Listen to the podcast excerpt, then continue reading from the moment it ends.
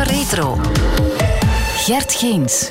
Jelle Kleimans, uh, inwoner van Antwerpen Centrum. Tja. Bovendien, dat is niet evident. Is dat jij mij in je studio tolereert, dat alleen dat al.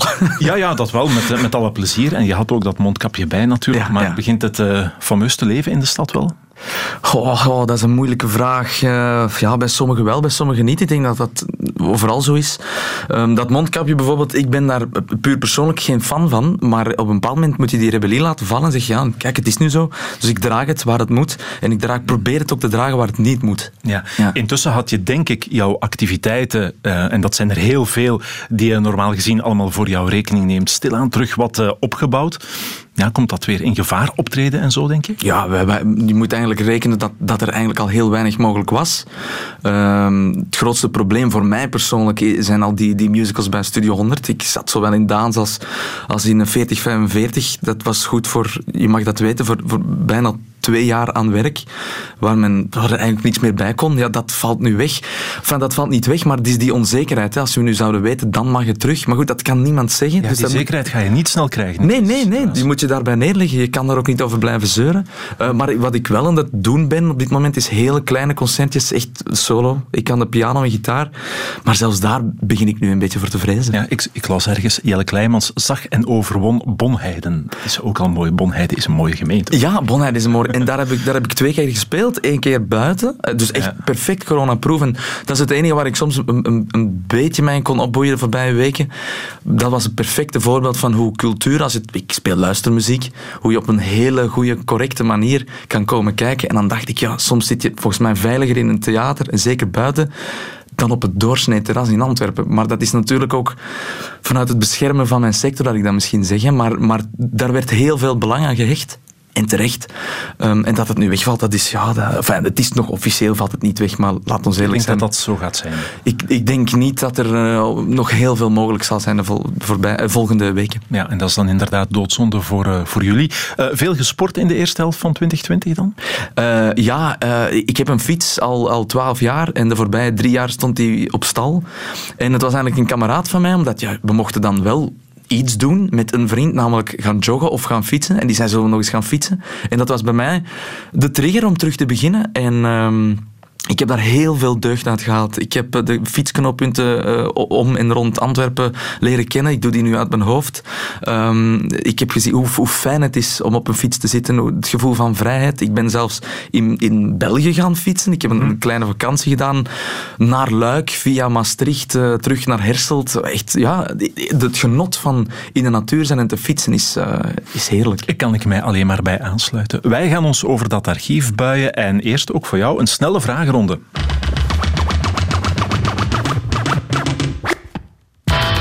en voor dit muziekje moeten we terug naar de jaren 80. Dat, ja, dat, dat, ben ik geboren. Ja, voilà. We beginnen met een quote van jou. Uh, je mag daarna zeggen waarover het gaat. Ik noem het altijd uh, magie. Ja, mysterieus. Heel mysterieus. Je zit met een, met een, een, een rechthoek en je hebt uh, een, een spelsituatie, je hebt je eigen bal. En dan moet je een figuur gaan bedenken op die tafel. Als die figuur zich dan vormt en en, en dat lukt. Hela. Applaus in de tribune. Oh, dat is zo schoon. Applaus in de tribune. Dat, was, dat? dat? was Ludo Delis, ja, mijn, mijn biljartleraar. Uh, ja, het gaat over, het, gaat over het, ja, het spelletje dat ik de laatste vijf jaar heel graag ben beginnen spelen. Want het is een reportage van een paar jaar geleden, maar heeft uh, de microbe jou nog altijd beet? Ja. Het virus ging ik bijna zeggen. Gert, het, is, het is zelfs zo erg dat ik jou kan verklappen dat ik inmiddels voorzitter ben van mijn eigen Ja, Boven Café de Engel in Antwerpen. We gaan normaal gezien vanaf uh, september, als alles mag, hè, eh, dat moet ik er altijd bij zeggen, gaan wij competitie spelen. Ja. En uh, ja, BC de Engel. Het is, het, ja, ik, ga, ik ga er dan meteen dit is bij halen. Ja. Wie zou er nu gaan zingen? Ik vraag het mij af. Ik, ik ook eigenlijk. ik denk wel iemand met veel talent. Hij neemt wel zijn tijd, is mijn indruk.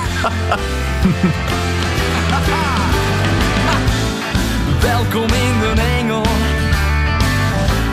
Zet u aan een. Oh, welkom in de engel. Je zit veilig, zit droog. Zelfs een nummer over gemaakt. Ja, over ja, ja. Café ten Engel en biljarten daar. Ja, op de eerste verdieping komt nu, staat, er, staat er een biljart. En, eh, en bijvoorbeeld mijn vader zit mee in de club en, en een paar vrienden van mij. En, en ja, ik, het is een spelletje dat jammer genoeg altijd aan oude mannen wordt gelinkt. Wat ik ook begrijp, want Ben je nog altijd de jongste aan tafel? ik denk nog steeds, ja, er zijn iets jongere spelers, maar die kom je echt niet vaak tegen. Het, het, Nee. het is een oude mannensport, maar het is het ook niet. Eh, het is een fantastisch fascinerend spel, maar het is oh zo moeilijk. En ik denk dat daar het grote probleem zit. Zeg maar, na die paar jaar en dankzij ehm, alles wat Ludo Dillis jou aanleert, je hebt het stilaan wel al in de vingers, vermoed ik. begint beter te gaan, ja. Ja, ik ben nog altijd, ja, ik heb nog altijd niveau 0, maar nee, nee, ik mag dat niet zeggen. Niveau 0 niet meer, maar ik weet wel wat ik aan het doen ben. Maar voor mij is dat partie plezier en, en ik geniet zo van dat spelletje. En die competitie is heel belangrijk, want dan komt er ja, dat, ja, dat extra...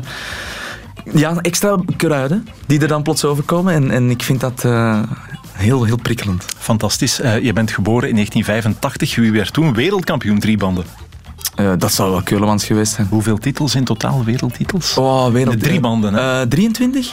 Eh, 21, 21, maar dat, eh, ook al is het niet 23, dat blijft ongelooflijk Ja, dat natuurlijk. Nooit meer te evenaren. Ludo heeft er eh, twee. Ja, Denk ik. Raymond Keulemans. En Ludo Dillis, grote figuren uit het Belgische biljarten. Ehm, iets anders dan Te Gek 2012. Wat moeten we daarover weten? Ehm, ik, ik werd uitgenodigd eh, door te gek om mee te gaan naar de Pyreneeën. En ik, ik zei het je, ik heb, ik heb nu 11, 12 jaar een fiets. Ik had die toen ook, maar ik had mij nog nooit gewaagd aan een kool. En toen eh, deed de gek elk jaar eh, een- met een groep mensen die, die, die er nood aan hadden, ehm, eh, een fietstocht. En dat jaar was het met mezelf en met eh, de immer sympathieke Rick de Leeuw, die mij over de Tourmalet geloodst heeft. Want ik was daar zeer, zeer zenuwachtig voor. Maar het is gelukt. Het is gelukt. De dag daarvoor deden we Luzardiden. Ontzettend afgezien. Ontzettend, dat was 12 kilometer denk ik naar boven. En dan de dag, de dag daarna, zit, ik raak daar nooit over. En Rick zei, nou jongen, we gaan nooit boven de 9,5. Ik haal, ik haal je er wel, ik ga je er wel, eh, ik ga je wel mee naar boven. En dat is ook gelukt. Ja, mooi hè? Ja, dat, en dat, En nadien is er nog een reeks eh, van die Ja. mythische tourcalls gevolgd. ja, ik ben dat blijven doen. Omdat ik, ik wist niet wat er toen gebeurde. Ik vond dat zo schoon. Die eerste 5, 6 kilometer, dat is alsof het, je weet niet wat er gebeurt. En dan plots staat de tijd stil. Heb je een doel op dat vlak of zeg je, ja, in deze tijden, daar ben ik ook even mee gestopt? Eh, heb ik een doel? Ik wil er zeker nog. Ik, ik wil ooit eh, de Stelvio nog doen in, in Italië, sowieso. Ehm, maar mijn enige doel op de fiets is genieten. En ik kan heel erg genieten van een call doen. Dus het is ook niet dat ik binnen een bepaalde tijd boven wil zijn. Genieten, op die fiets zitten en die berg overwinnen en blijven trappen. Oké. Ehm, wie spreekt hier, Jelle? Ich komme da um die Kurve ganz normal, das hintere Auto jetzt. Und jetzt bricht mir die rechte Hinterradaufhängung. Ja, das ist dann erwiesen worden und damit ist das Auto rechts abgebogen. Dann in diese Mauer gefahren und jetzt leider noch von zwei anderen Autos. Da bleibt jetzt der Artura stehen, glaube ich, der nächste. Und damit war dieses Feuer da. Das Problem war, dass diese Autos ja überhaupt nicht so wie heute Tanks haben, die nicht mehr explodieren können. Und mein Auto ist natürlich explodiert, weil die Tanks sind ja davon geflogen. Ich war 55 Sekunden in 800 Grad Hitze. Het was wel even in het Duits, maar je hebt hem herkend. hè? Ik moest heel even, even luisteren, maar het was Niki Lauda, Ja. volgens mij. Ja, het was zeker Niki Lauda. Hij zei op het einde bij zijn crash op de Nürburgring, Ja. hè, klopt dat, 55 seconden in 800 graden. Eh, ja, hij heeft daar heel lang in gezeten. En eh, ik heb over Nicky Lauda, ik heb hem gebruikt als metafoor voor een lied, mijn laatste plaat.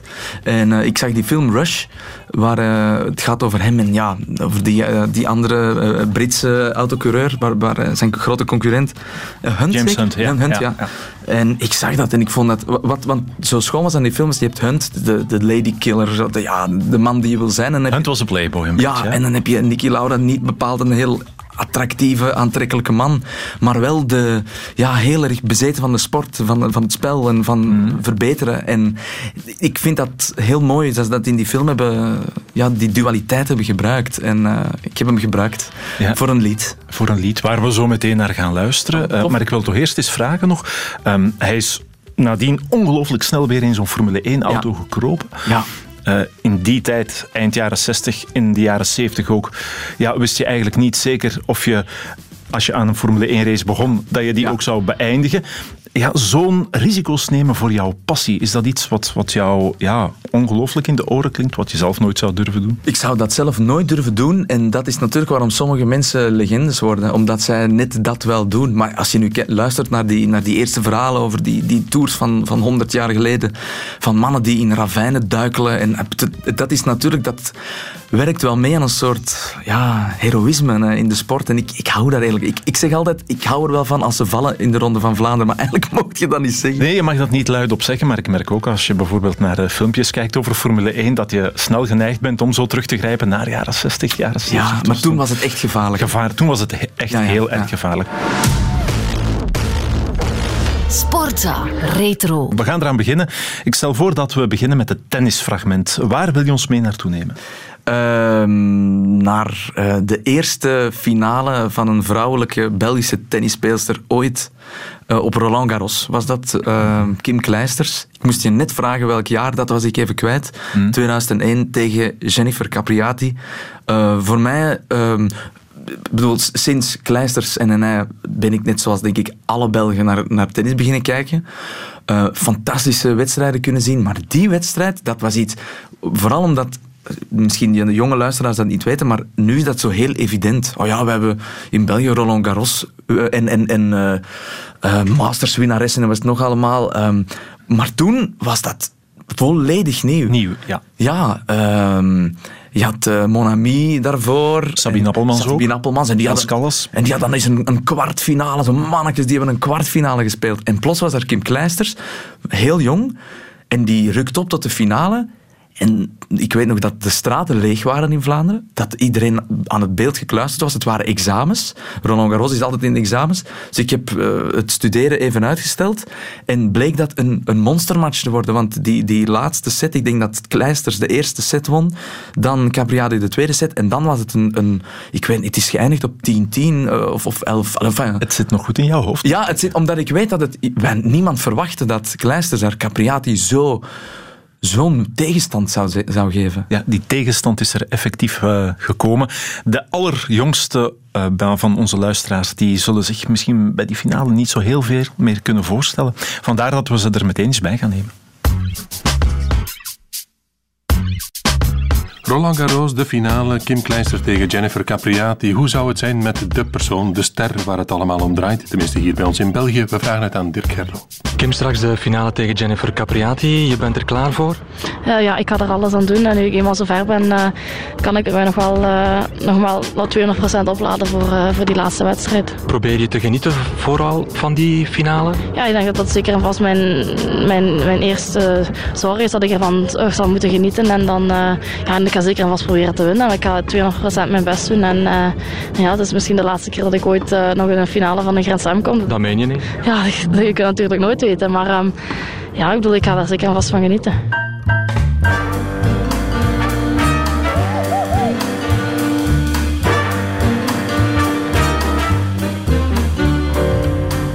j'aime Paris dans les fleurs. J'aime Paris en couleur. Het is uh, drie minuten over half drie. Hoe zou het zijn in Parijs, Dirk Gerlo? Het is hier bewolkt, het is hier niet echt koud. Een uh, graad of 18, 19 in de vroege namiddag hier, 14 uur 32, staat er op het gigantische scorebord hier. En de namen van de finalisten staan ook op dat bord. Jennifer Capriati tegen Kim Kleisters, 25 jaar tegen net 18 jaar. Op dit moment maken de meeste prominenten pas een opwachting. We hebben net prins Philip en prinses Mathilde de eretribune zien uh, binnenkomen. Ook uh, premier Verhofstadt die heeft net plaatsgenomen. En uh, heeft het in alle gevallen al warm. Die heeft zijn vestje al uitgedaan.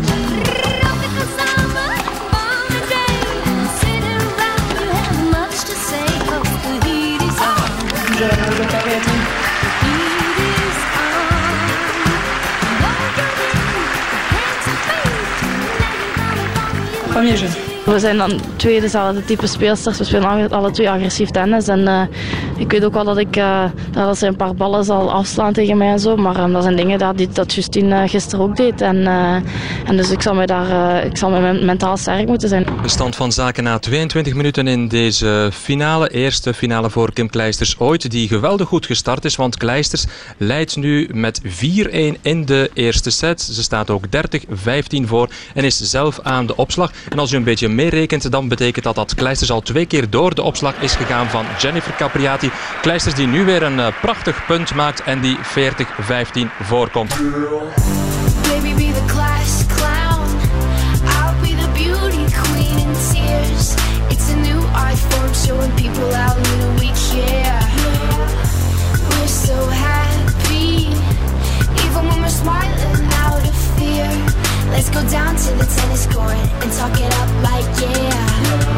De rally weer en weer gaat ze in de fout met de backhand Jennifer Capriati.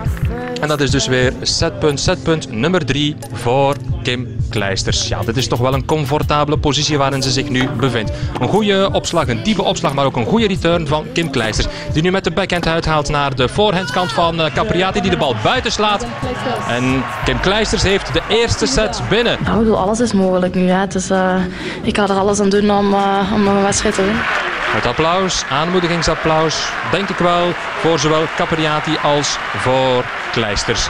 Mensen genieten van de finale, want eh, ze hebben toch al mooi tennis, toptennis bij deze twee vrouwen kunnen bekijken.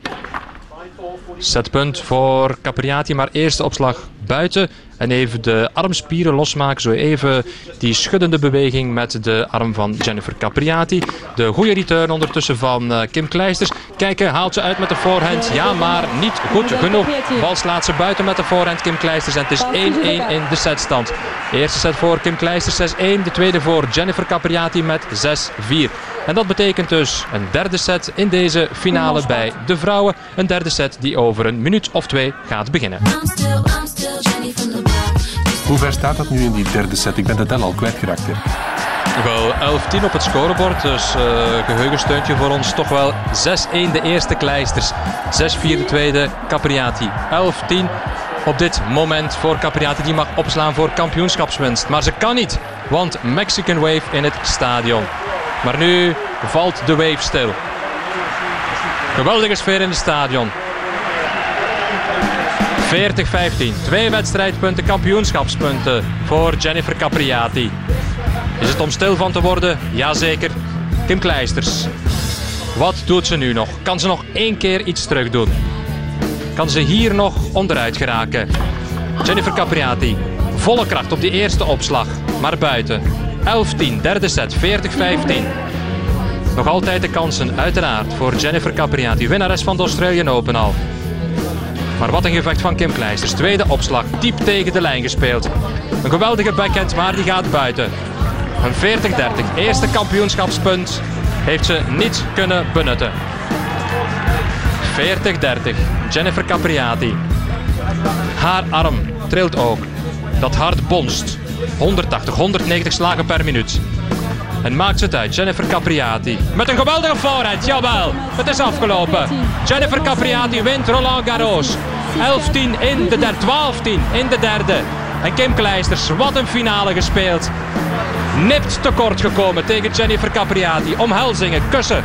Van de ene voor de andere. Schitterende wedstrijd van Kim Kleisters. Het hele land, onnodig te vertellen, verkeert een beetje in een kleistersmania.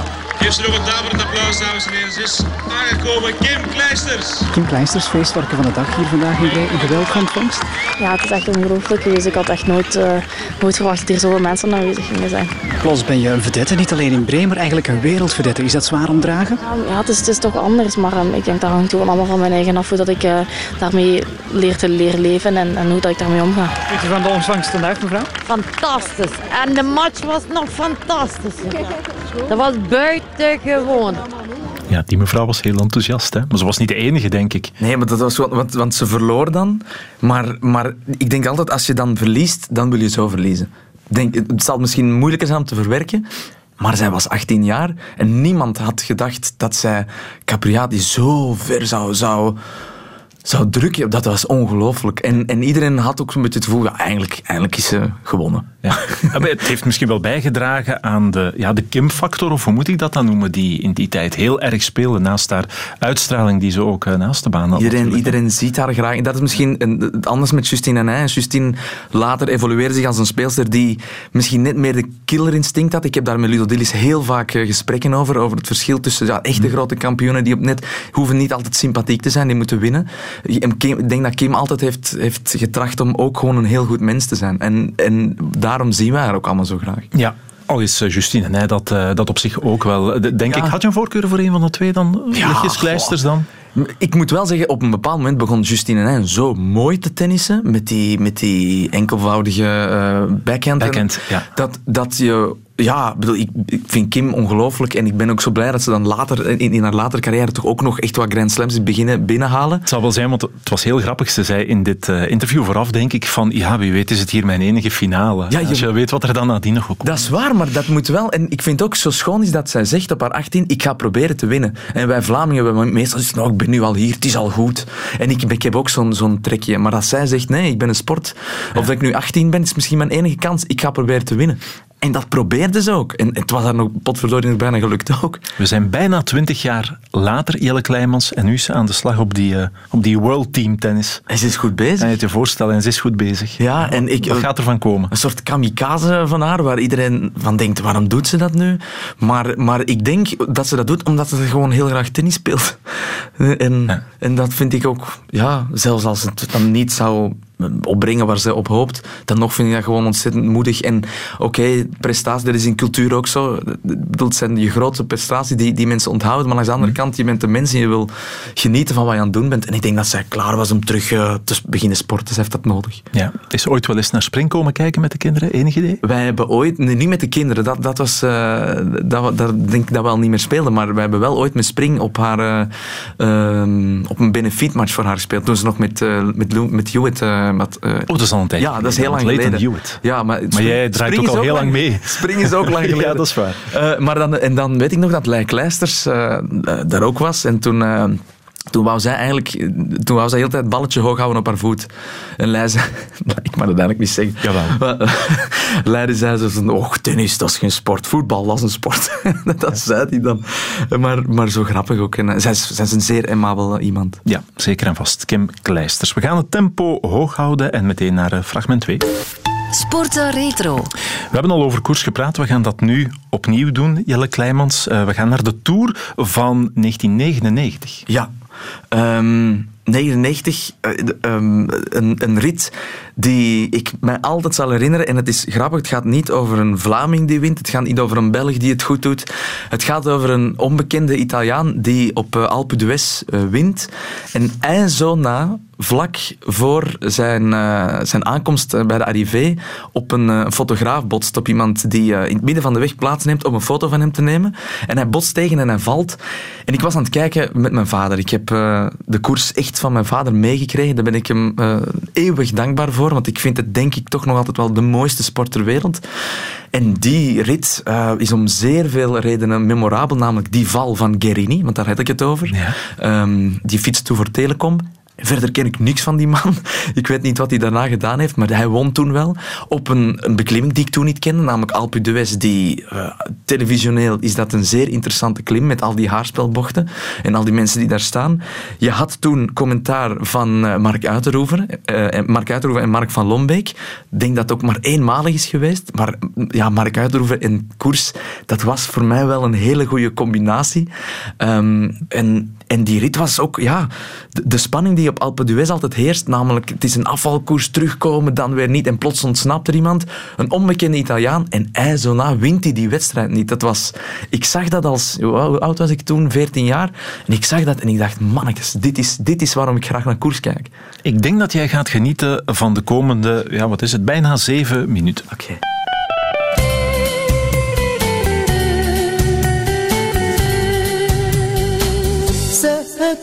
De toi Ze beginnen eraan. Ah, hup. Nog ingedrukt. Ja, ik kan een, een seconde of twee spelen, maar meer zo. Maakt niets uit.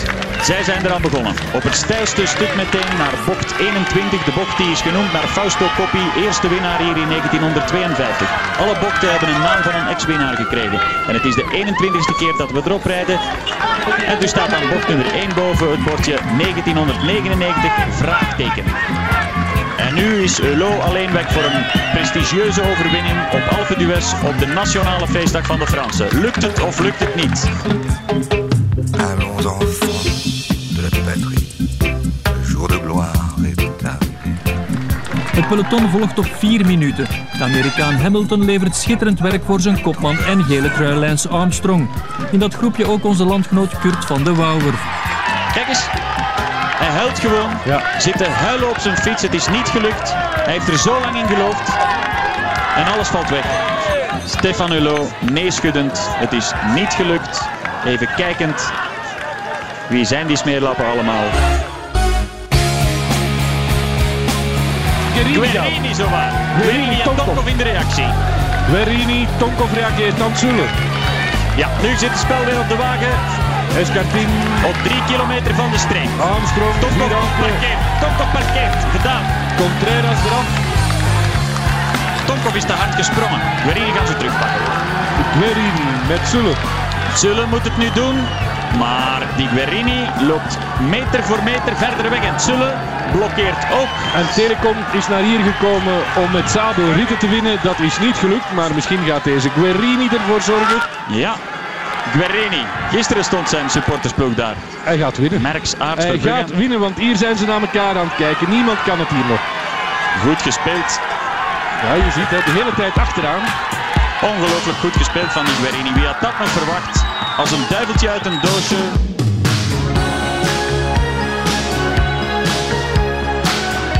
Ja, ja, Guerini is weg. Kijk eens. Ja, en die krijgt nu vleugels ook letterlijk. Guerini vorig jaar goed voor een rit in de Ronde van Italië. Hij was daar ook derde. Ja, gaat hij nu een rit pakken. En wat voor een in de Tour. De mooiste van alle bergritten. De klassieker. Met de macht van het hoofd nu ook, want hij weet dat het erin zit. De 29-jarige man uit Bergamo. Tonkov kan nog maar eens. Nog eens. Dat is de zevende keer op de beklimming geloof ik. Raar, overdrijf nauwelijks. Tonkov, een hele goede startmotor. Maar hij valt elke keer de laatste kilometer. Het is gewoon een spel. En toch succes voor Walter Godefroot na, na al die tegenslagen van de laatste maand. Mag ik hem al opschrijven, Mark? Schrijf hem maar op. Ulrich in de patatten. Jan. Oh, en daar gebeurt het! Het is niet waar. Opnieuw pek voor Godefroot. En op wat voor een manier iemand die een foto neemt van Guerini.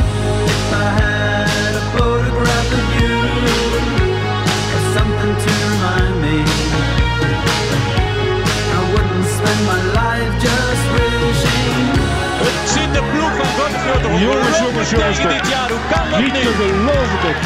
Gevallen, Ries gevallen, Alda gevallen. Kijk, En nu daar... kijk eens hoe een lozel. En hij wil ernaast rijden, die man wil hem ontwijken, rijdt er klink op. Maar wie gaat daar nu staan om een foto te nemen? Nu wens ik helemaal dat Guerini het toch nog haalt, want hij had het verdiend.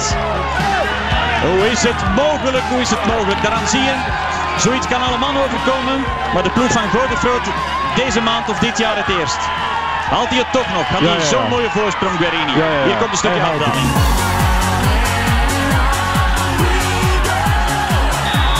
Maar nu weten dat het binnen is.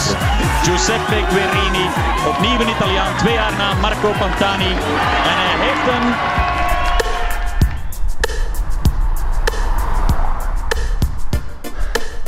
Bijna bovenop de top, nog één kilometer. En hier zijn we aan het huis van eh, Guerini. Iemand die zich bergkant mee naar boven laten rijden in het spoor dus van die Zwitser Laurent Dupont. Ja, Luc? Ja, Gerini valt. Gerini gevallen op een eh, voorzichtige toeschouwer. Hoe is dat toch mogelijk? Midden van de weg een foto nemen de verkeerde kant en Gerini ten val. Wat een ramp voor Gerini. Ongelooflijk. Ja, daar staan geen uh, nadar afsluiting. Ja, met een, nu komt hij in de zone. Schuin aflopend dak. 700 meter van de streep. Giuseppe Gerini, 1999. Jonge kerel. Staat in het midden van de weg om een foto te nemen van de aanstormende winnaar van Telecom, Giuseppe Gerini. Maar de jongen kijkt ja, door zijn uh, fototoestelletje verkeerdelijk. Gerini botst tegen de jonge man, valt tegen de grond, maar wint dan toch nog. Mooi verhaal nadien, want de Franse televisie met sterpresentator Gerard Rols gaat natuurlijk op zoek naar die jonge man. Ze vinden hem na twee uur, nemen hem mee naar het hotel van Gerini, waar ze de jonge man dwingen excuses aan te bieden. En de Italiaan aanvaardt die ook. Voilà, toutes mes excuses. Hein. Ah, rien, pas de problème. Merci beaucoup. C'est super gentil. Wat is nu het allermooiste van het verhaal? Het was een jonge kerel uit de Vogezen, die later getrouwd is met een Italiaans meisje uit het dorp van, jawel, Giuseppe Gerini. En sinds die gebeurtenis heeft de jongeman een fanclub opgericht in de Vogezen, de fanclub Giuseppe Gerini. Hij gaat toch nog winnen. De schrik zal op het lijf gezeten hebben, de daver op het lijf. maar hij kijkt nog om. Hij is nog altijd niet gerust. Nu dan wel de kushandjes naar het publiek. En Giuseppe Guerini wint op. Ma parliamo dell'episodio che poteva costarti la vittoria. Quel signore, chiamiamolo signore, in mezzo alla strada. Sì, ho visto che si è messo in mezzo alla strada per farmi fare una foto, poi io ho deciso se passare a destra o a sinistra e per tagliare la strada e farla più corta sono andato a sinistra e lui si è spostato proprio a sinistra e mi è venuto addosso. Cette photo de toi que j'ai depuis toujours, je la garde sur moi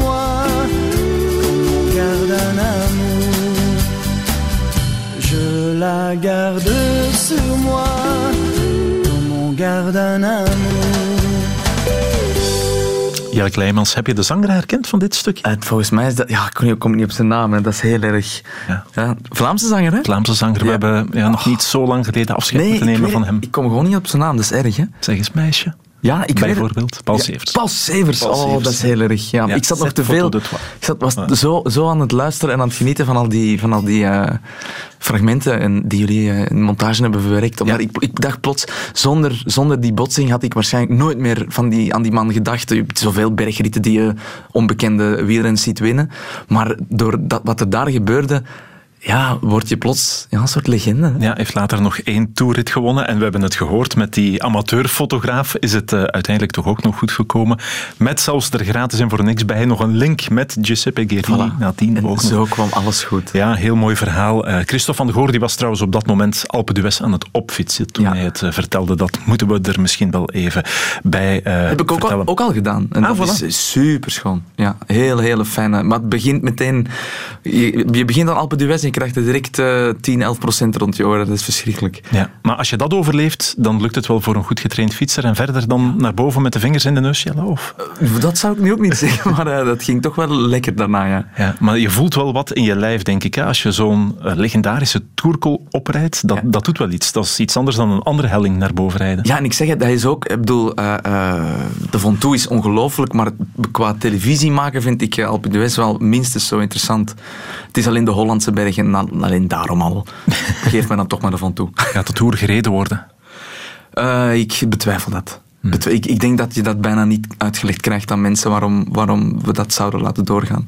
En ik hoop van wel, hè, voor alle duidelijkheid, maar dat lijkt mij moeilijk. Sporten Retro. Tijd voor fragment 3 dus van Jelle Kleimans. Ehm, tijd ook, denk ik toch, Jelle, voor een ode aan Sven Nys. Ja, ik hoorde net cirkels. En ja, veldrijden, die rijden toch om en bij in cirkels. Zoiets, ja. Ehm, en ik zal meteen met de deur in huis vallen. Ik ben nooit een Sven Nys fan geweest. Hij zal het graag horen. Maar dat is misschien veranderd door dit fragment. Ik weet het Eh, wel, er is heel veel veranderd omdat, je, omdat ik zelf ouder werd. Dus eh, hij- won toen alles. En ik vind altijd een sport waar één iemand dominant is, ik vind dat altijd een beetje saai. Tenzij je een grote fan bent van die persoon, dan is dat fantastisch. Maar ik vind dat het veldrijden een sport is, net zoals waarom ik ook niet zo naar Formule 1 kijk. Omdat ik denk, ja, degene die de beste auto wint. Dat is niet helemaal waar, maar dat is wel een beetje waar. Ehm, en dat vond ik toen jammer in tijd. Dan kreeg je Bart Welles en dan was er een beetje competitiviteit. nu is het nog feller met Mathieu van der Poel. Ja, dat is ook een de redenen waarom ik de laatste jaren minder kijk. Omdat ik denk, ja, hij is gewoon zo goed en dat, is, dat siert de mens. En dat was bij, bij Sven Nys ook. Maar het is pas later dat ik erachter ben gekomen. Ja, maar wacht eens even. Sven, die leeft voor die sport. Die leeft, die leeft om te winnen. Dat is een, een echte kampioen. En hoe ouder ik werd en hoe meer ik ook besefte wat ik zelf moest eh, over hebben voor, voor wat ik doe, ehm, dat, je, dat je daar heel veel respect voor begint te krijgen. Voor de, de wielrenner die niet kiest om s'avonds met zijn fans dan een pintje te gaan drinken, waarvan je denkt, allee, doe een keer normaal, drink eens een pintje. Nee, die zegt, nee, ik moet gaan slapen, want ik wil morgen ook winnen. Hoe ouder je wordt, hoe meer dat je dat begint te beseffen. En ik zat een paar jaar geleden... eh, met, met, mijn, met mijn vader, met mijn grootmoeder aan tafel. We waren zo op zondag aan het eten. En, ehm, en veldrijden stond op. En het was denk ik de wereldbekerwedstrijd in Kokzijde. Eh, het jaar dat Wout van Aert eh, was al wereldkampioen en, en fietste de pannen van het dak. En hij had het moeilijkst van ijs dat jaar. Ik denk vierde, zevende. Ja, een beetje op leeftijd ook Een beetje op al, leeftijd. Ja. En plots had je die wereldbeker daar in Kokzijde. Een hele zware eh, wedstrijd door, door in het zand.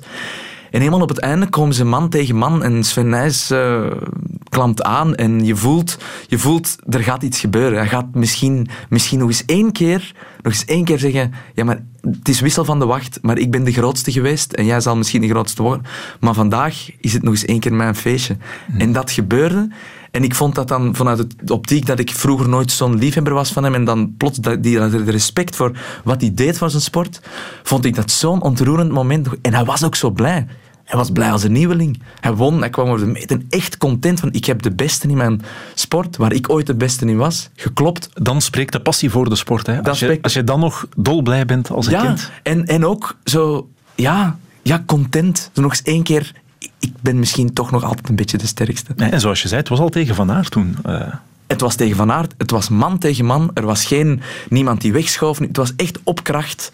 Won hij Van Aert. Van Van, van, van Aert. En, en ik vond dat heel schoon en ontroerend. Ja, het was ook nog bijzonder, dacht ik, omdat het toen ook zijn vijftigste wereldbeker Klopt, eh, klopt. zegen was. Dat, dat ook nog. Dus, dus dat, dat is dan zo de kerst op de taart. eh, en een kampioen wil en moet altijd willen winnen. Mm. Nu draait het al een tijdje om Thibaut Nijs, hè? Misschien gaat hij wel flirten met het eh, palmares van zijn pa. Eh, volg je dat ook, Jelle? Eh, dat volg ik via jullie sportsa.be site en, app. nog niet echt actief, maar je houdt dat wel in doog en je voelt die mannen wel komen. En eigenlijk is het, er staat wel voor ons wielerliefhebbers wel wat aan te komen. Met Evenepoel, nu met weer een nieuwe naam die wordt genoemd. Dus je denkt, oké, wat is er allemaal aan de hand in het, in het, in het wielrennen? We gaan misschien... We hebben plots weer, weer kans om misschien een tour... Allee, we, je zegt dan als supporter altijd we, maar dat is dat er, dat er een, een, een Belg de, de Tour gaat winnen. Niet dat dat zal gebeuren, maar er is plots weer een kans. En dat doet ons dromen en hopen. En dat is denk ik wat sport moet doen. Ik zie achter jou allemaal eh, foto's van Greg van Avermaat die, die, en, en andere ja, Vlamingen die in de Tour hebben gewonnen. En dat, is, dat, dat doet een mens dromen en hopen. En, en ik denk dat we dat nu ook nodig hebben. Daarom wat je daar juist vroeg, ik hoop dat de Tour doodgaat. Ehm, want het is iets, ja, je ziet jezelf altijd een beetje op die fiets zitten. Ja, dat is waar. Ook al ben je, zoals ik, al 44 en jij 35. 35 jaar, dan kan het in theorie nog natuurlijk als je heel snel bent. Dan, we gaan nog eens horen hoe die la- Nee, het zal waarschijnlijk niet meer gebeuren. We gaan nog eens horen hoe die laatste grote zege van eh, Sven Nys precies tot stand is gekomen. Ik zou zeggen, Jelle Kleimans, hou je gezond daar in Antwerpen en daarbuiten de komende weken. Ehm, je moet zo meteen nog optreden, dacht ja, ik. Hè? ja, maar allemaal heel erg coronaproof. eh, Dus daar moeten mensen zich geen zorgen over maken. Twee hele kleine optredens voor kleine publieken. In, eh, wat er eigenlijk gebeurt is heel kort. Een, groot, een lange set wordt een korte set en die spelen dan twee keer voor een bescheiden publiek. Oké, waar trek je naartoe? Op uurs. Op uurs, mooi. Klein-Brabant is dat dan, Dat is denk eh, mijn, waar mijn roots ook liggen. Ga je Nicky Lauda spelen straks? Ik ga niet Nicolaas spelen, nee, maar wel in de Engel. Dat is goed. Sven Nys, daar gaan we. Laat maar komen. Hoe meer eh, de cross een, eh, een overlevingstocht wordt, hoe, liever ik het heb. Dus eh, ik, ja, als, er, als een cross 100% eh, rondje is, dat er dan voor 95% eh, echt moet geduwd worden en techniek moet gebruikt worden, dat is wat ik het liefste heb. So yes, I'm gonna lay it down. So tell me you've been.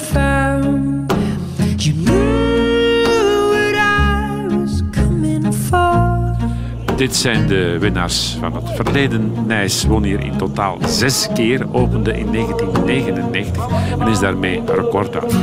Bochtje naar links genomen, aangesneden, perfect. Door Wout van Aert die nu de duin op probeert te rijden, helemaal te boven. Nee, net niet. Moet afspringen en dan moet Sven Nijs dat ook doen. In het wiel van Wout van Aert. Sven Nijs met z'n tweeën samen op kop in deze wedstrijd. Mr.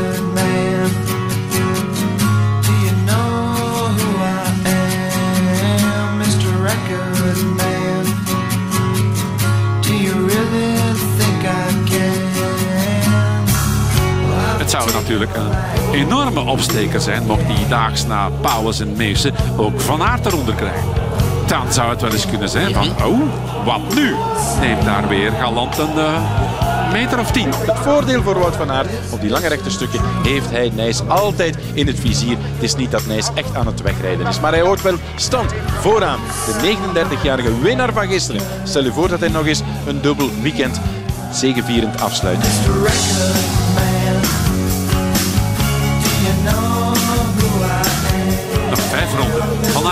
Nijs. Veel zal er meer van afhangen van hoe Nijs zich voelt. hè. Wil die eh, de handschoen opnemen? Tot dusver ja. Daar daar gaat Van Aert. Daar gaat Van Aert helemaal boven. Is dit het eh, moment? Nijs. Dit is een eh, gat van een meter of tien. En nu komt dan die rotbocht. Opletten, daar zijn die pootjes. Oeh, dat gaat allemaal zeer, zeer nip. Hoog, hoog tempo van Van Aert. Nijs die nog eh, niet buigt. Nijs weer aan het wiel. Het is toch niet te geloven. Wat een sappig krosje. Laatste ronde. En Van Aert heeft alle moeite van de wereld om het tempo van Sven Nijs te volgen in het zand. Op de tussenstroken in de modder. Dan kan eh, Van Aert weer zijn motor een beetje aan doen slaan, zijn turbo ook. En dan gaat Nijs, ja, puur op conditie, dat weten we nu al van de voorbije weken. Dat hebben we gisteren ook gezien, dat dat goed zit voor een 39-jarige. In het zand is Nijs beter dan Van Aert. Nijs, Nijs. Nijs gaat hier naar de voorkant. Nijs neemt de bovenhand. En nu die sprint. Daar trekt Nijs zich op gang. Nijs ermee weg. Nijs zich op gang. En Van Aert heeft niks meer terug. Sven Nijs. Sven Nijs wint de wereldbekercross in kokzijde. Twee op twee, het kan niet op. Het is geleden van zonder 2012. Dit is nummer 50 in zijn wereldbekergeschiedenis. Is back. Wat een wonder, wat een wonder. Hij is terug. Een grote meneer, een hele, hele grote meneer. Sven Nijs verslaat Wout van Aert in een gigantisch spannend duel. Gewoon de beste gebleken in het zand en op de modderstrook waar hij als allerlaatste elementje kon wegrijden. Voorbij Wout van Aert deed hij het. Ervaring te over natuurlijk. Deze Sven Nijs en ik klopt Wout van Aert. En de heroptredende wereldkampioen Mathieu van der Poel is een schitterende derde.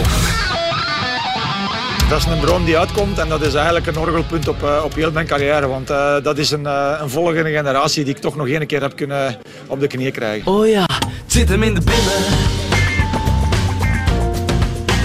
Het zit hem in de billen. Ja, in de billen van Sven Nijs. Radio 1. Sportza Retro. Radio 1. Sportza Retro. Gert Geens. Een zeer goede avond. We hebben ons uh, Sportza-petje opnieuw lichtjes aangepast en gaan nog voor een uur Sportza Retro met niemand minder dan Elodie Ouedraogo. Goedenavond, Elodie. Goedenavond. Ja, er zat net ook sport in het nieuws. We hebben het gehoord, topsport kan hard zijn, soms keihard, soms misschien net iets te hard, Ja, blijkbaar. ik- ja, ja, ik vind het verschrikkelijk eigenlijk dat nieuws. Ehm, en ik, ik leef ook enorm hard mee eh, met de turnsters. En, en ik, ik, vind het zo moedig dat ze er ook over spreken. En eh, ik denk gewoon, ja, die, die mensen die moeten allemaal bij naam genoemd worden. En, en die moeten er gewoon uit. Hè. Ik, ik heb zelf een zoon, ik mag er niet aan denken dat, dat, dat hem ooit zoiets overkomt. Sport, dat, is, dat moet plezant zijn, dat moet ontspannend zijn. Eh, dat is een plaats waar dat je vrienden eh, leert vrienden leert kennen. ehm, je vrienden terugziet ook. Dus ik, ja, ik, ik, afs- ik- afschuwelijk. Ja. Ja, ja. Bij jullie is dat nooit aan de orde geweest, denk ik. Jullie hadden een heel fijne coach. hè. Die zal ook wel streng geweest zijn, Ruud. Ja, bij ik heb echt eh, op dat gebied gewoon heel veel geluk gehad. Dat, dat met een trainer, dat was, dat was een fantastische mens. Dat, ik kon daar ook alles bij kwijt. Ik heb gewoon in een fantastisch team gezeten. Ik heb, ik heb dat niet gekend op geen enkele manier. Maar ja, Ja. Wij, gaan iets doen met de sport wat ook wel heel leuk is, gelukkig. Dat is terugkijken naar wat geweest is.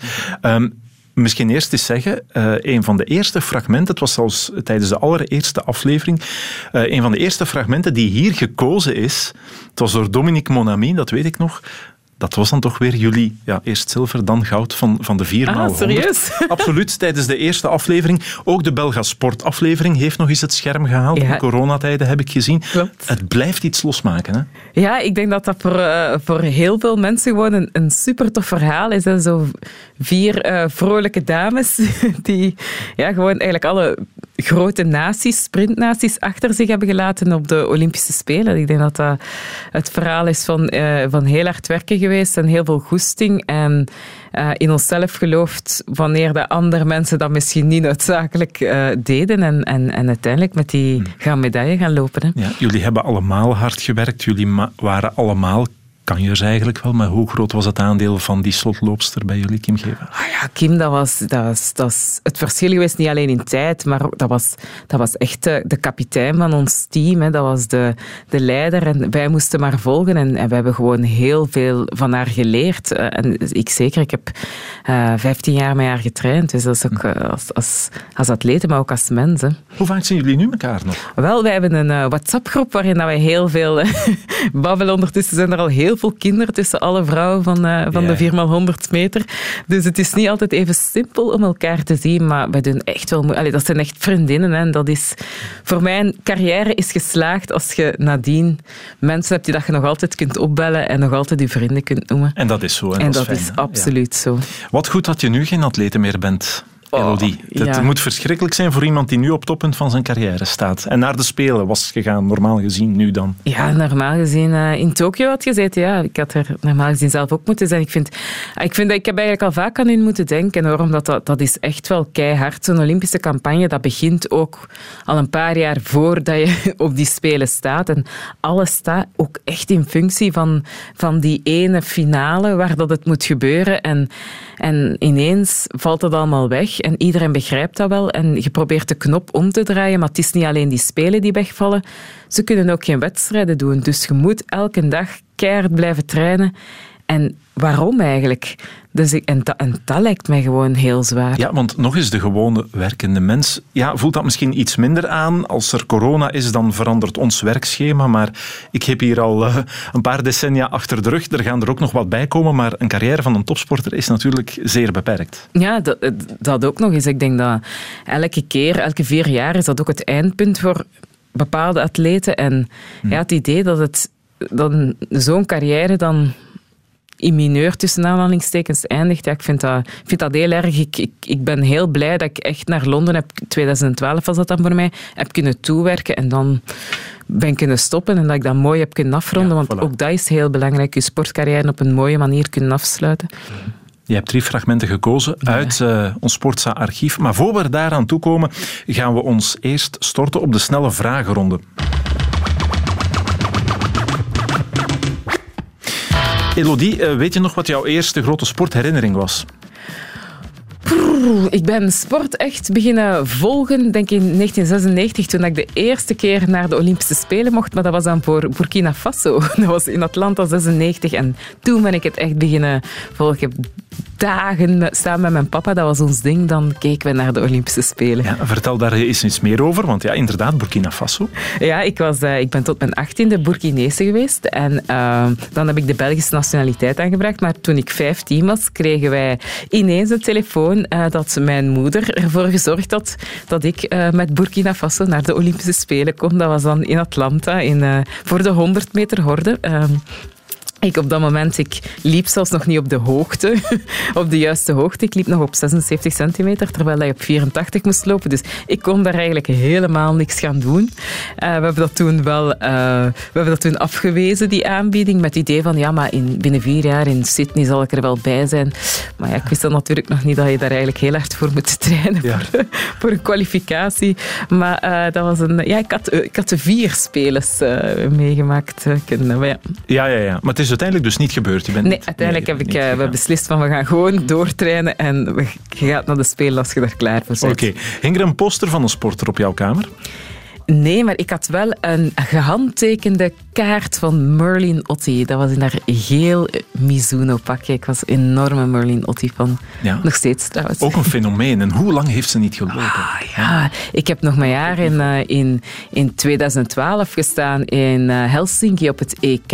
En zij liep toen, oh, voor welk land liep ze toen? Ja, het, het ontgaat me nu even, maar gewoon, ja, dat Merlin Otti, elke keer als hij op die piste stapte, die mensen werden zot. En ik denk op dat moment liep ze nog halve finale op de 100 meter, 1161. Eh, ik denk dat dat, dat zal bijna een seconde trager geweest zijn, wat dat ze deed in haar hoogdagen. Maar ja, dat, dat, zo'n mooie vrouw, zo'n atlete. Ja, fantastisch. En Merlin Otti, jij presenteert ook Café de Mol op 4. Wat is de link tussen de Mol en de Tour de France? Geen flauw idee. Allee, Elodie. Gilles de Koster heeft hier al meermaals gestaan om Sportsatour op de radio mee te Ah, ja, ja, maar ja, Gilles die is zoveel markten thuis. Dat is wel waar. Sorry, Gilles. Zou je niet eens de presentatie van de mol van Gilles de Koster willen overnemen? Een beetje met de ellebogen werken? En Ik dat vind jij Gilles doet? die doet dat fantastisch goed. En ik, ja, nee, ik, dat is zo'n, dat, dat is denk ik een zo moeilijk programma om te presenteren. En dat is zo'n fantastisch team dat daarachter zit. Ik ben blij dat ik Café de Mol mag doen en dat ik gewoon altijd mag proberen te raden wie dat de mol is. En Ja. ik amuseer me daar eigenlijk heel goed mee. Het was toen een wel relatief leeg café. Ja, dat had ook zijn redenen Dat is een natuurlijk. café met weinig bier en Ja, geen klanten. Ja. Gilles de Koster is een fan van Beerschot. Eh, ben jij fan van Oud-Heverlee Leuven? Want dan kan het volgende week nog leuk worden. Eh, wel, ik zal nu van... worden. ik ben eigenlijk altijd... Bij mij in de familie waren het Anderlecht-fans. Eh, Dus ik kan. zie die licht ontgoocheling. Nee, nee, helemaal maar, niet. Nee, nee. Mijn, mijn vriend Jeroen is een enorme Beerschot-fan. Oh, ja. oké. Dat is... eh, Dus ja. jullie zitten in hetzelfde kamp eigenlijk. Ja, ja, ik, bij, ja, een beetje... Ja. Ik heb weinig keus. En een voorsprong te verdedigen volgende week. Hè. Goed, nu moet ik opletten. 4254, Ja. dat is de kledinglijn die je hebt samen met Olivia Borlée. Ik eh, ben eens gaan kijken. Er is voorlopig nog niet echt veel. Kan dat voor mij beschikbaar? Of Nee, nee, nee het, is echt, eh, het is echt voor vrouwen. Ehm, wij zouden dat heel graag willen doen op termijn, ook iets voor mannen ontwerpen. Maar we zien het werk eh, dat we hebben met, met de vrouwencollectie. En ik denk dat dat goed is dat dat, eerst, dat dat er eerst staat voordat we weer iets anders gaan proberen. Oké, we kijken er toch naar uit. Eh, we moeten het zeker ook eens hebben over de Container Cup. Want in dat programma heb je het opgenomen tegen jouw man. We hebben een klein stukje klaarstaan. Jij speelt tegen Jeroen vandaag. Kijk er naar uit. Kan die u in iets kloppen? Ik geef dat eerlijk toe, ik zou dat, ik zou dat echt niet leuk vinden. Dat is zo mijn ding, de sport vooral. Dus als hem dan nu ook nog van mij afpakt, dan is het ja. Dan zou ik graag wel een herkansing willen. Kan jij Elodie kloppen eigenlijk? Volledig in, in alle onderdelen niet. Maar zo een paar, denk, ik denk wel dat ik een paar onderdelen beter kan dan zij. En op welk onderdeel ga je het verschil maken? De karabijn. Ja? Ja, ik denk het wel. Zo schieten met een buik. Dat heb ik heel mijn puberteit lang gedaan. Probeer me bij dat karabijnschieten nu niet te veel meer voor te stellen. hoe, Ik ook niet. hoe was het allemaal? Eh, dat was enorm tof om te doen. En ik verschoot ervan hoe dat toch weer zo die topsportmentaliteit eh, naar boven komt. En als ik daar dan uit Bij jou dan, hè? Ja, dat ik zo direct iets had, ja, ik had dat moeten doen, dat moeten doen. En dat kon ik eigenlijk nog beter en meer. En maar we hebben ons geweldig hard geamuseerd. En Jerome ook, die, is, die heeft geschitterd in het fietsen. En die is nu ook helemaal overtuigd dat er aan hem eigenlijk een goede coureur verloren is gegaan. Dus die heeft zich een hele dure fiets out, eh, outfit ge- aangeschaft. Die heeft een fiets gekocht. Mhm. Hij is wel nog altijd aan het oefenen om met zijn klikpedaal dat opstappen. En, eh, dat er dat komt, hè. Dat komt. het gaat nog niet heel. Ik doe nog kleine toertjes eh, rijden, in de wijk. Nee, ik heb een elektrische fiets. Ik en zelfs dan, zelfs daarop zie ik af. Dus fietsen, dat is echt niet voor mij. Maar rijden is, is nu ja, in zijn hoofd. Eh, kan hij wel wat aan. Goed, eh, wie was nu de beste in karabijnschieten? Ja, we hebben twee even slecht gedaan. Ah nee, ik denk dat we... Ja, we alle twee nul, denk ik. Goed, over naar de volgende vraag dan maar. Jouw man Jeroen die heeft ook een familienaam. Ja. Dat zullen mensen misschien niet weten. Ja. Snelders. Eh, wat dus betekent dat hij die familienaam deelt met een ex-voetballer die nu bij ons co-commentator is. De Eddie Snelders, Eddie? Snelders. Ja, ja, ja. En die doet dat goed, hè? Luister. Ja, ja, maar blijkbaar zitten die allemaal zo in, de- in dezelfde regio. Dus het, denken dat er ergens een link is. Ja, wie weet. Mis je het EK voetbal ook, Elodie, of toch vooral die spelen? Maar ik ben, eh, ik ben zo'n eh, supporter op de kampioenschappen. Hè, maar eh um, eh, Jeroen kijkt ook niet zo graag met mij naar de voetbal, omdat ik ook blijkbaar niet de goede vragen stel bij de juiste acties. Dus eh, dat is altijd wel moeilijk. Ehm, dus ik, kijk, ik, kijk, ik focus mij op de Spelen van eh 21. Oké. Joggen met een mondmaskertje op, gaat dat? Ik heb het nog niet geprobeerd en ik, eh, het lijkt mij ook echt wel moeilijk. Ehm, ik hoop, als het zover komt, dat er toch eh, aangepaste maskers kan zijn. Want de maskers die ik nu heb, die, eh, die zijn daar echt niet voor geschikt. Ja, dus het is lastig, want hier en daar is, ja, is het eigenlijk al wel de bedoeling. Hè, dat, ja, dat ja, het ja, ja, ja, absoluut. Mhm. Eh, het is wel zo dat in de gym waar ik ga, ehm, dat, wij, dat het mag, je masker af, zolang dat je op je matje ligt. Van het moment dat je naar een toestel moet gaan, dat je een gewichtje moet pakken, moet je het erop zetten. Ja. Dus soms is dat letterlijk echt voor drie stappen te zetten dat ik even mijn masker op doe. Maar ja, ik bedoel, als dat, dat gaat helpen, heel graag dan. Nog twee dingen. Welke sport gaat Remus beoefenen? Wel, ik, eh, ik, het- ik vind het pijnlijk om te zeggen, maar hij heeft vrij weinig interesse in sport op dit moment. Hij tekent graag, hij knutselt graag, eh, hij speelt heel veel op de Nintendo. Hij doet wel sport op de Nintendo. maar ik, eh, ik nee, dat, dat, dat sporten, ik, hij is niet geprikkeld. Dat is zeker niet zoals ik vroeger. Kan nog komen natuurlijk. En tot slot, hoe goed ben je nog in bochten lopen, Elodie? Ja, in mijn hoofd extreem goed, maar ik denk, moest ik nu echt eh, moeten snel lopen, dat dat... ik weet niet of ik nog aankom, ik zal het zo zeggen. eh. Maar het gaat nog goed vooruit als je de deur uitgaat. Dat ongetwijfeld wel, ja. Dat wel.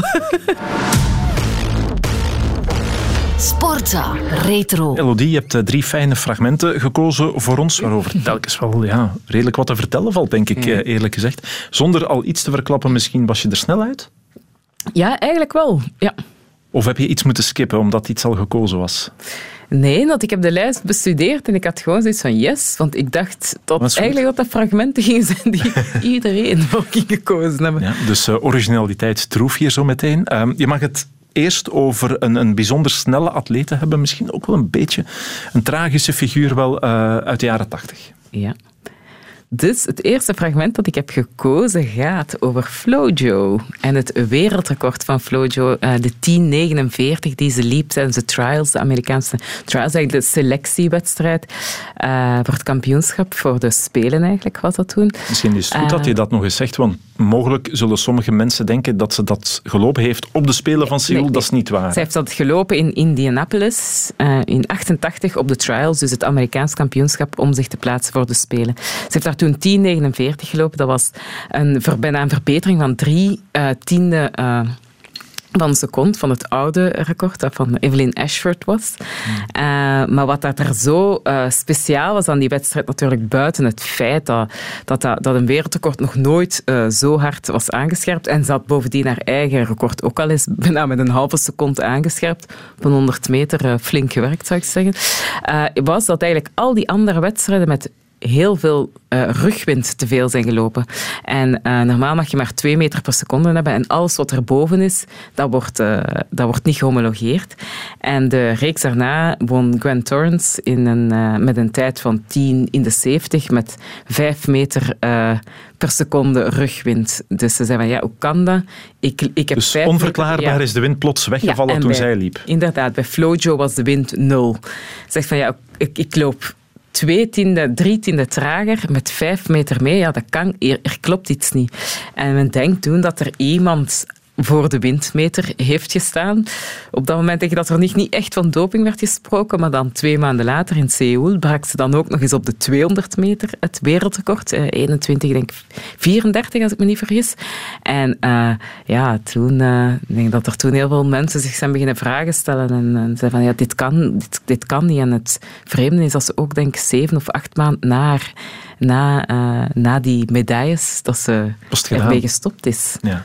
Nu, dat speelde wel ja, die verwarring misschien wat in de kaart, want eh, haar man zeker, Al Joyner, die, die zei dan, ja, eerst is het de wind, dan doping, wat is het nu?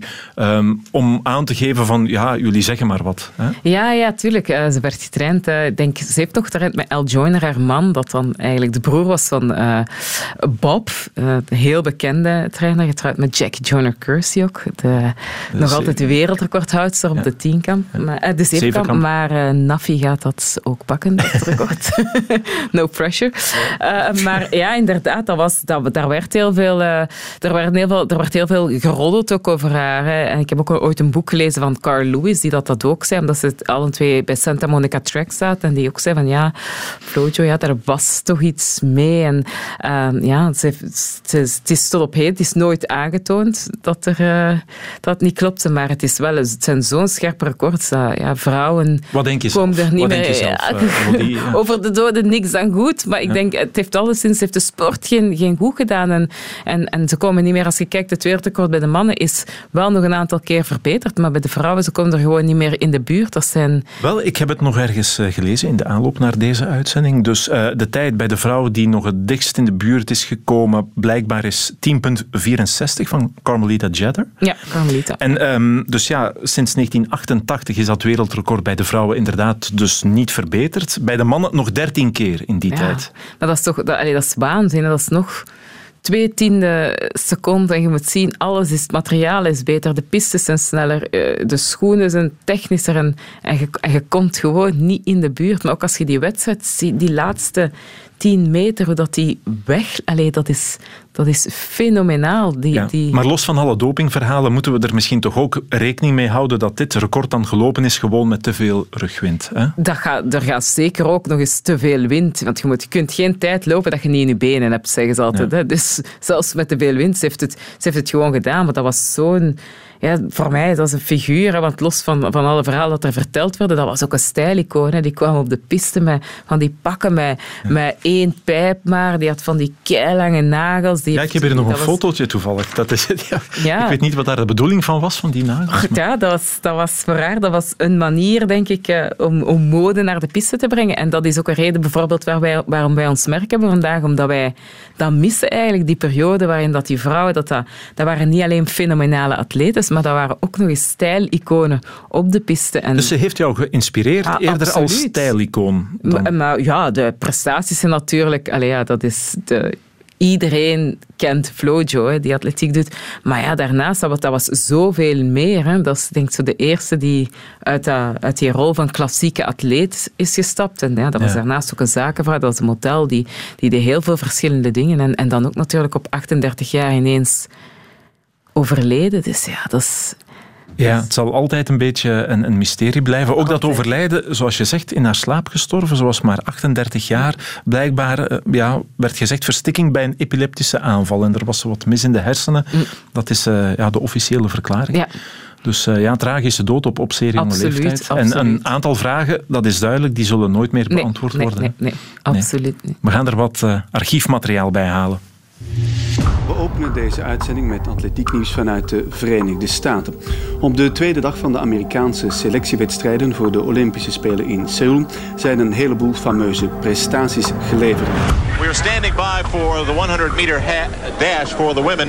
And one of the people that we want to focus in on here is Florence Griffith Joyner in lane 5. Op die zogenaamde trials in Indianapolis liep Florence Griffith vorige nacht een nieuw wereldrecord op de 100 meter. Gail is in lane 4. Lane 1 is open. And quickly, Florence Griffith Joyner blowing away the field. And a 10.49.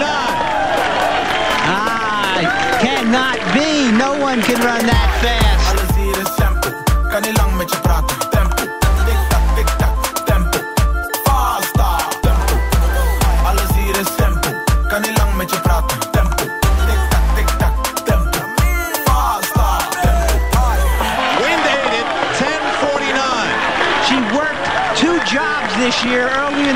Sometimes she worked out at UCLA at 12 and 1 o'clock in the morning. And now it just paid off. Alles hier is tempo, kan niet lang met je praten. Tempo, tik-tak, tik-tak, tempo. Tempo. Er werden meteen wel vragen gesteld bij deze sensationele recordverbetering, omdat in Indianapolis de hele dag door een zeer sterke wind waaide. Wait a minute. The anemometer says the wind was within the legal limits. 10.49, een ongelooflijke tijd in de meest letterlijke betekenis, gezien de windomstandigheden. Toen gaf de windmeter 0 als windsterkte aan. Dat werd sterk betwijfeld, omdat vlak ervoor en erna windsnelheden van om en bij de 5 meter per seconde werden gemeten. De windmeter werd gecontroleerd en bleek correct te werken. The heat here must be doing something to the electronics, but she won by such a margin over Gail Devers, who earlier this year set the American record in the 100 meter hurdle. So that was a good field, and you could see how much she won by. It might be right, but 1049 is just incredible. 10.49 zal dus als wereldrecord gehomologeerd worden. They are announcing world record. This would be the biggest accomplishment in track and field in 10 years. If the if this is a world record and the wind gauge holds up, it's greater than Ben Johnson's 100 meters last year. Well, regardless of the skepticism expressed by my partner, and I'm amazed to even hear someone like yourself say no one can run that fast. Well, 10:49 is a world record. Florence, fantastic. 10-4-9. Oh, thank you. I'm very excited. Very excited. Um, tell me about the win. Of course, that's an area of great controversy right now. Do you feel it dropped? Oh, yes, it did. Um, Bobby told me to pay attention to the triple jump, and if the wind was down, go for the world record. If not, just go make it through the next round. Uh, the wind felt good. It didn't feel as strong as it did in the first race, and I went for it. So if the if the wind had been up, you would have just slowed. Not really more being more relaxed. I mean, I really went for the record that time because the wind was down. You told me to really go for it. A lot of people, I'm sorry to change the subject like this, but a lot of people are dying to know about your one-legged outfit. Is it a help, hindrance, cosmetic, what? No, it just feels good. Um, it's just different, something I designed this year, and, uh, and it just felt good, so I'm wearing it. De one-legged outfit, ze had het erover. Hè? It Yep. just feels good, zei ze met, mag ik dat zeggen, iets zwaardere stem? Of misschien niet. Maar ja, goed. Ik ga hem toch maar eens vragen. 10.49. Ja, Wanneer- gaat dat record nu verbeteren? Ja, dat is, eh, dat is de vraag. Hè. Eh, ik, eh, ik, ik, ik weet het niet, het staat al 30 plus jaar. Ik, ik, ik, ik vrees er eigenlijk voor. Er zijn zo'n paar, hè. zoals de 400, dat is ook zo'n fenomenaal record bij de wereldrecord bij de vrouwen. En ik, ik weet het niet. Ik, ik, ik, ik hoop eigenlijk dat Maar je- een vrouw zegt, die ik- fysiek in Ja. staat gaat zijn om, om dat te lopen. Maar als je zegt, ik weet het niet, dan zeg je eigenlijk ook, ik zie het nog niet meteen gebeuren. Nee, nee ik ben daar eerlijk in. Ik zie het niet, ik zie het niet, mee, niet meteen gebeuren. Sporten Retro. Ehm, er zijn een aantal spelen geweest waarop wij als Belgen bijzonder goed geboerd hebben. Rio, eh, Ja. dat waren zo'n spelen. Hè. Maar dat was ook Atlanta, 96. Ja, je hebt ja, het er al over gehad. Atlanta, daarvoor is het, daar is bij mij allemaal begonnen, de liefde voor, eh, voor de Olympische Spelen. Maar dat was ja, inderdaad, je hebt het al gezegd, Rio goed, maar tien jaar ervoor eigenlijk, Atlanta, ja, dat was de eerste keer dat we denk ik met zes medailles naar huis kwamen. Dat was 20 jaar een ervoor. gigantisch feest. Eh, ik denk twee keer goud ook, waaronder eentje van eh Ola Werbroek. Eh, ik heb die wedstrijd ook gezien en eh, ja, ik, ik vind dat, dat een fantastische wedstrijd, fantastisch moment, echt een kippenvelmoment eh, ook. En ja, wat dat misschien heel weinig mensen weten, is dat ik zelf ook uit eh, het judo kom. Wel, ik had dat nu niet meteen in jou gezien. Nee, ik denk, eh, niemand zag het in mij. zelfs mijn judo-trainer zag het niet in mij.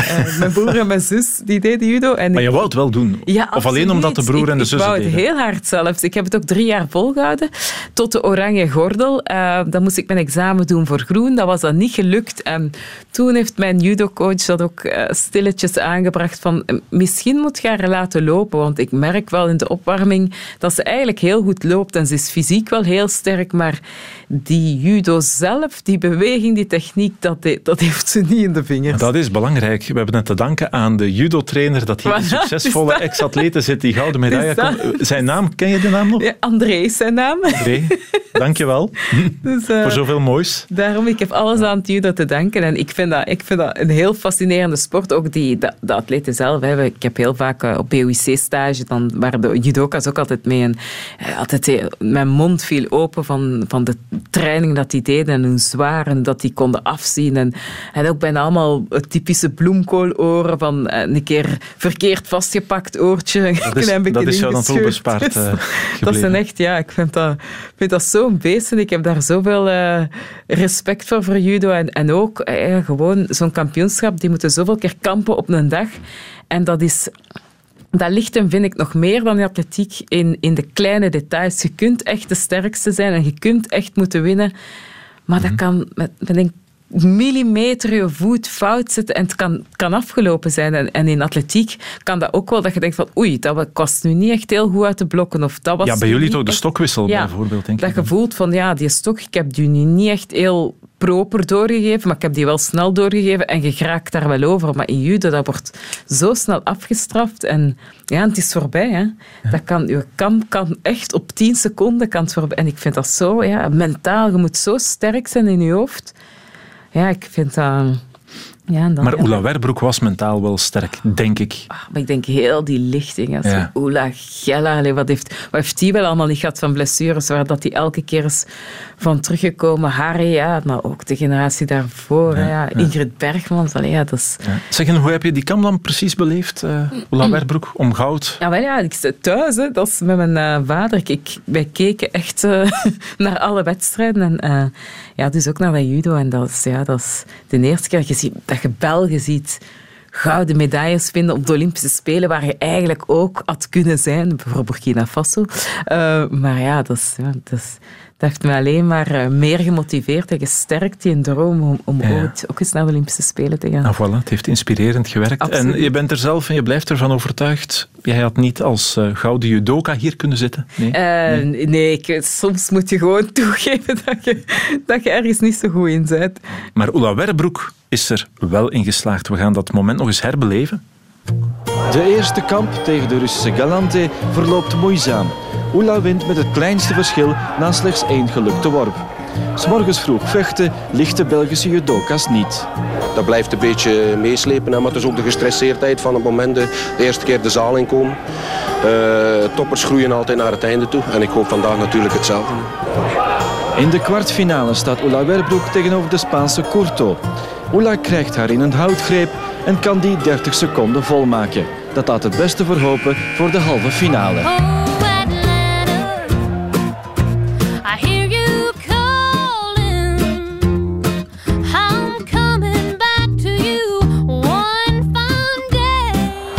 Halve finale tegen de Oekraïense Believa beslist met deze prachtige Ushimata.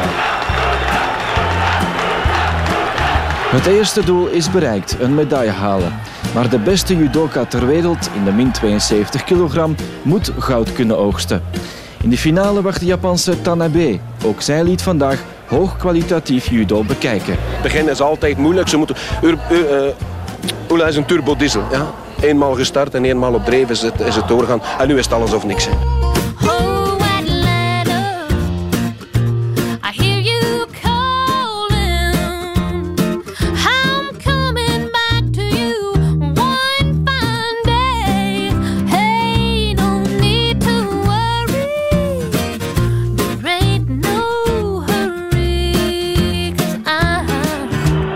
Dames en heren. Klaar voor de finale. In de categorie tot 72 kilogram. Oela Werbroek tegen Yoko Tanabe. Wel, het zal een sfeervolle kamp worden, dat is zeker. Want de Japanners zijn uitgebreid hier. Maar ik denk dat de Belgen tenminste wat de supporters betreft het nu al halen. Een paar honderd Belgen, waaronder enkele van haar trouwste fans, zorgen voor een heerlijke finale sfeer. kan ze eindelijk haar plaats innemen aan de top van de wereld. Het wordt een droomfinale voor Ola, die haar opponenten van bij het begin domineert. We gaan het weten, liefst zo snel mogelijk. Al meteen een aanval van Werbroek die een Yuko oplevert. Ja, dat begint natuurlijk goed. Yuko voor Oela. Oela dus op voorsprong na goed 18 seconden.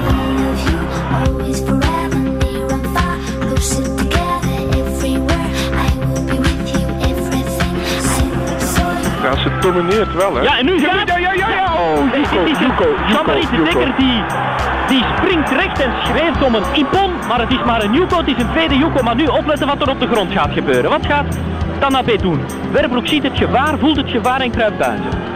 Twee Yuko's, twee Yuko's. Twee Yuko's voor Oela Werbroek. 37 seconden gaan. 37 seconden. Jean-Marie de Dekker die sprong al recht, die was al klaar om de Werbroek te gaan omhelzen. Maar zoals ik al vaker heb gezegd, als, Werbroek, als eh, de Dekker om een eh Ippon schreeuwt, dan mag je er altijd twee punten afdoen. Dus als Yuko, dus het zal wel juist zijn. En nog een Yuko. Nee. De, Ja, en alweer vraagt de Dekker een Ippon. Ja, maar de dekker moet je niet luisteren natuurlijk. Ze zou nu gewoon moeten afblokken tot het einde. Ze mag nog twee straffen krijgen op 18 seconden. Dat is natuurlijk enorm veel. 13, Gewoon afhouden, meisje. 11, 10, 9, 8, 7, 6, 5, ja, 4, Ippon, Ja, Ippon. voor Oela Werbroek op 2 seconden van het einde.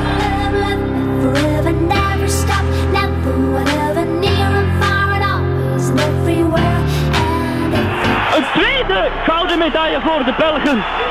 Jean-Marie de Dekker en Jeff Aert. Goldfinger zoals hij genoemd wordt. En Jean-Marie de Dekker, de persoonlijke coach, de ontdekker en de mentor van Ola Verbroek. En de beste titel die je kan hebben, de Olympische titel, de titel met meer uitstraling dan de wereldtitel eigenlijk. Want hier is iedereen in alle sporten, hier zijn de allerbeste aanwezig. En Ola Verbroek doet het. De droom is uitgekomen. Ja, eindelijk. Ik hoop dat eh, de nachtmerrie nu van eh, Barcelona helemaal vergeten is. Want meest, meer kan ik gewoon niet meer geven. Ik kan niet meer. Ik heb zelden zo iemand gelukkig gezien. Ik ben eh, enorm tevreden en ik hoop dat iedereen tevreden is. Want ik doe het hier toch wel een klein beetje toch voor België ook. Petra, een wenende Ula. En jij weet er ook een beetje van. Ja, zeker. De spanning is te veel.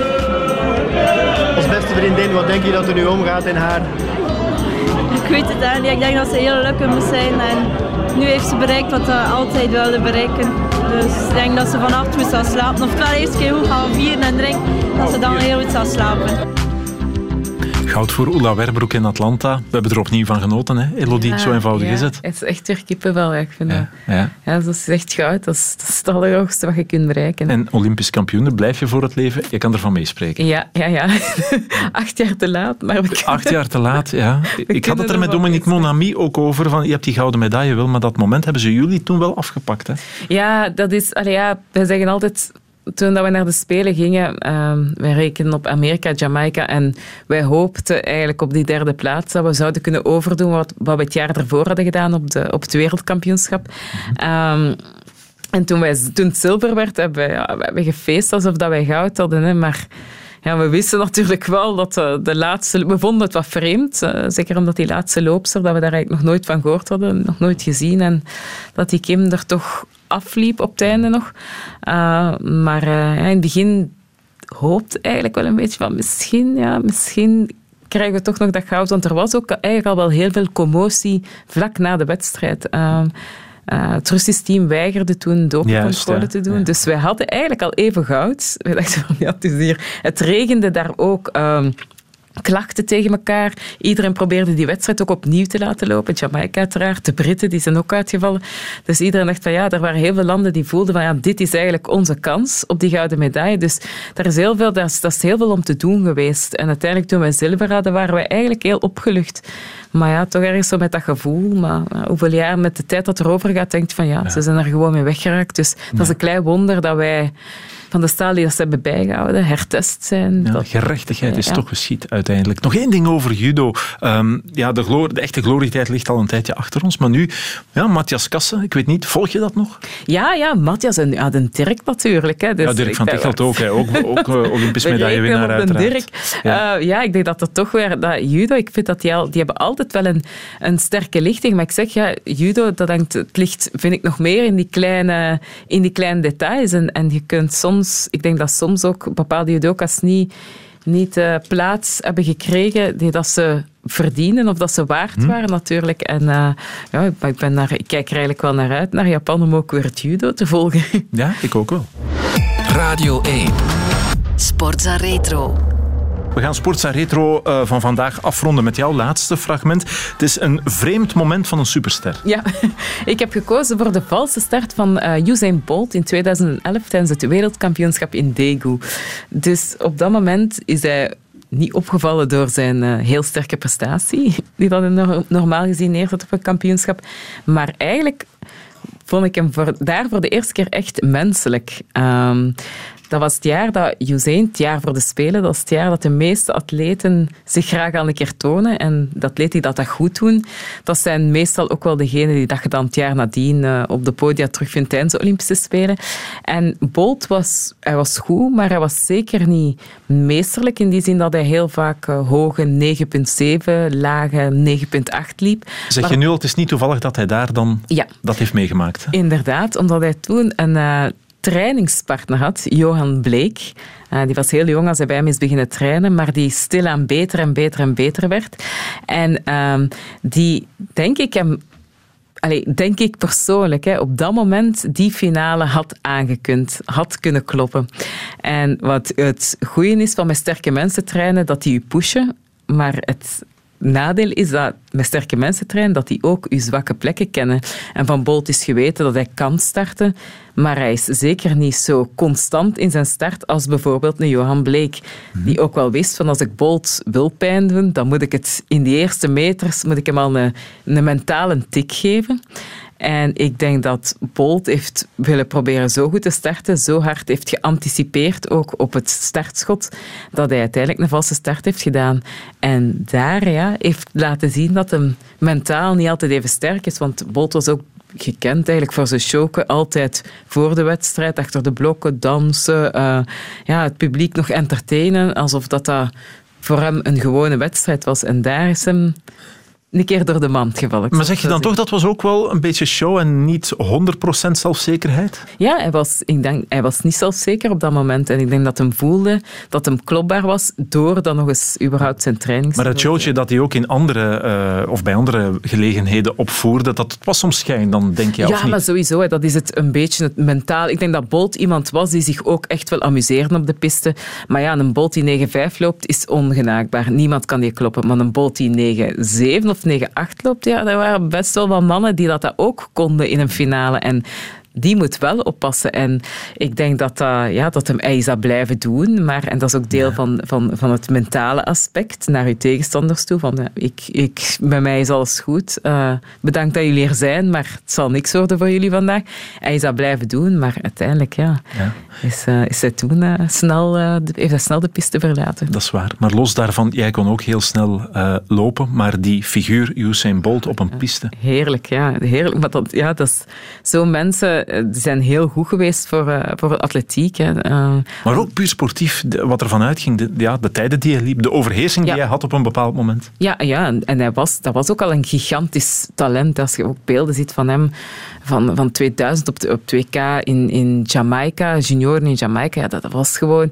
Dat is de, de allergrootste voor mij. hè. Eh, maar ja, ik denk dat wij alleen maar de fun en het plezier zagen. En wereldrecord na wereldrecord. En de, de goede tijden dat niemand dat echt verwachtte dat dat, dat hem dat kon overkomen. En later, ja, dan gingen er inderdaad, begonnen er verhalen de ronde te doen, dat, de, dat het al moeilijk was op training en dat ze op training bleek hem vaak al klopte in de korte dingen. Ah, ja. dus, dus hij was mentaal zeker niet, niet 100% op dat moment. Ja, en dus ging het eh, even mis daar in.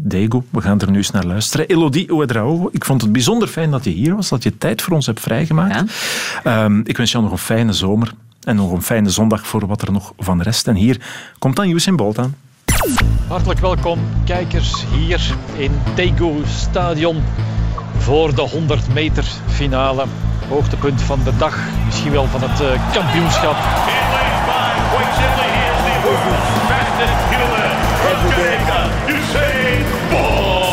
En hoor het applaus voor de man die nu wordt voorgesteld. Usain Bolt, Olympisch kampioen en titelverdediger uit Jamaica. Razend populair, blikvanger natuurlijk, mondiaal van de atletieksport. Maar hoe goed is hij? Hoe snel is hij? Een wereldrecord heeft hij niet in de benen, zegt hij zelf. I'm not in the tip-top shape I had in Berlin. Dus dat hoeven we vanavond niet te verwachten. Ik eh, kijk niet naar mijn tegenstanders. Ik eh, heb maar één doel. Daar voor mij ligt de streep. En daar wil ik opnieuw wereldkampioen worden. Zijn haar ligt goed. Niet helemaal geschoren, denk ik. Maar eh, het maakt niet veel uit. Hij heeft twee landgenoten in de finale. Eentje daarvan kan het hem moeilijk maken, Johan Blake. Zijn kameraad, Johan Blake, 21. Bolt is er 25. Ook hij krijgt eh, de showmanieren. Maar hij liep wel een fantastische halve finale. Hopelijk geen valse start. Daarnet in de halve finales hadden we er wel een van Dwayne Chambers uitgesloten. En een valse start en het is misschien wel Usain Bolt. Usain Bolt, valse start. Valse start, Usain Bolt. Het is Usain Bolt die een valse start heeft veroorzaakt. Hij ligt eruit. Het is voorbij. En hij weet het. Hij trekt zijn shirt uit. Hij kan het niet geloven.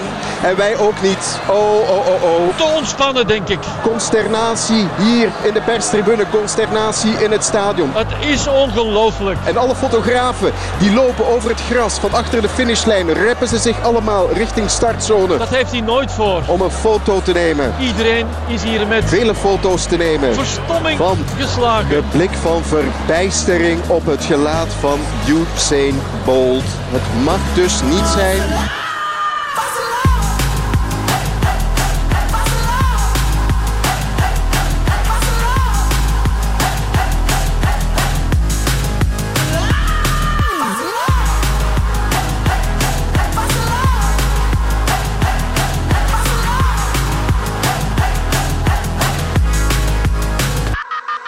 Wie wordt er wereldkampioen? Niet Usain Bolt. Wordt het dan een landgenoot Johan Bleek? Hij is topfavoriet.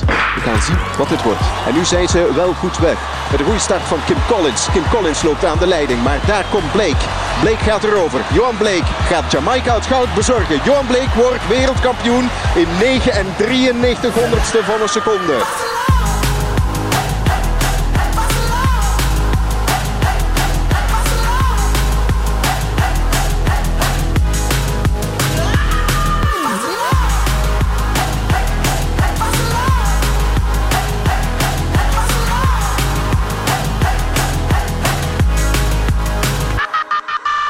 You're the world champion 100 meter, and everybody has questions about asks questions about Usain Bolt. How's that feel? Well, trust me, um, um, in the, in the warm up era, we have been working on this moment, you know, me and Usain Bolt, and to see his fast start, um, I was so I was so shocked because that's not like him, and um, I guess the, um, he was I don't know what to say, but um, I, I think he will refocus and come back for the 200. Voilà, Superman Usain Bolt ging hier even de mist in in Daegu. Sportza Retro. Radio 1.